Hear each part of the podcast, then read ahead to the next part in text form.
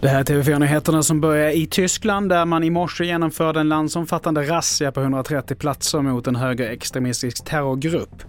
Gruppen som bland annat består av före detta elitsoldater och kan kopplas till den så kallade Reichsbürgerrörelsen som inte erkänner den tyska förbundsrepubliken.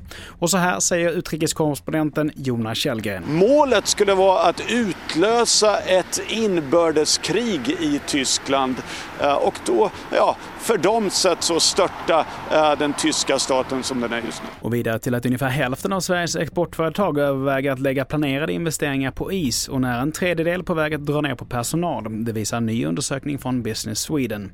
Högre elpriser ligger bakom de dystra utsikterna men även inflationen och högre finansieringskostnader. Och till sist, klimataktivister slängde färg mot ingången av Milanos anrika operahus La Scala inför premiären av operasäsongen ikväll, det rapporterar lokala medier. Gruppens budskap är att politikerna måste lyfta huvudet ur sanden och rädda landet. Och det är samma grupp som tidigare slängt soppa på en van Gogh-målning. Fler nyheter hittar du på tv4.se.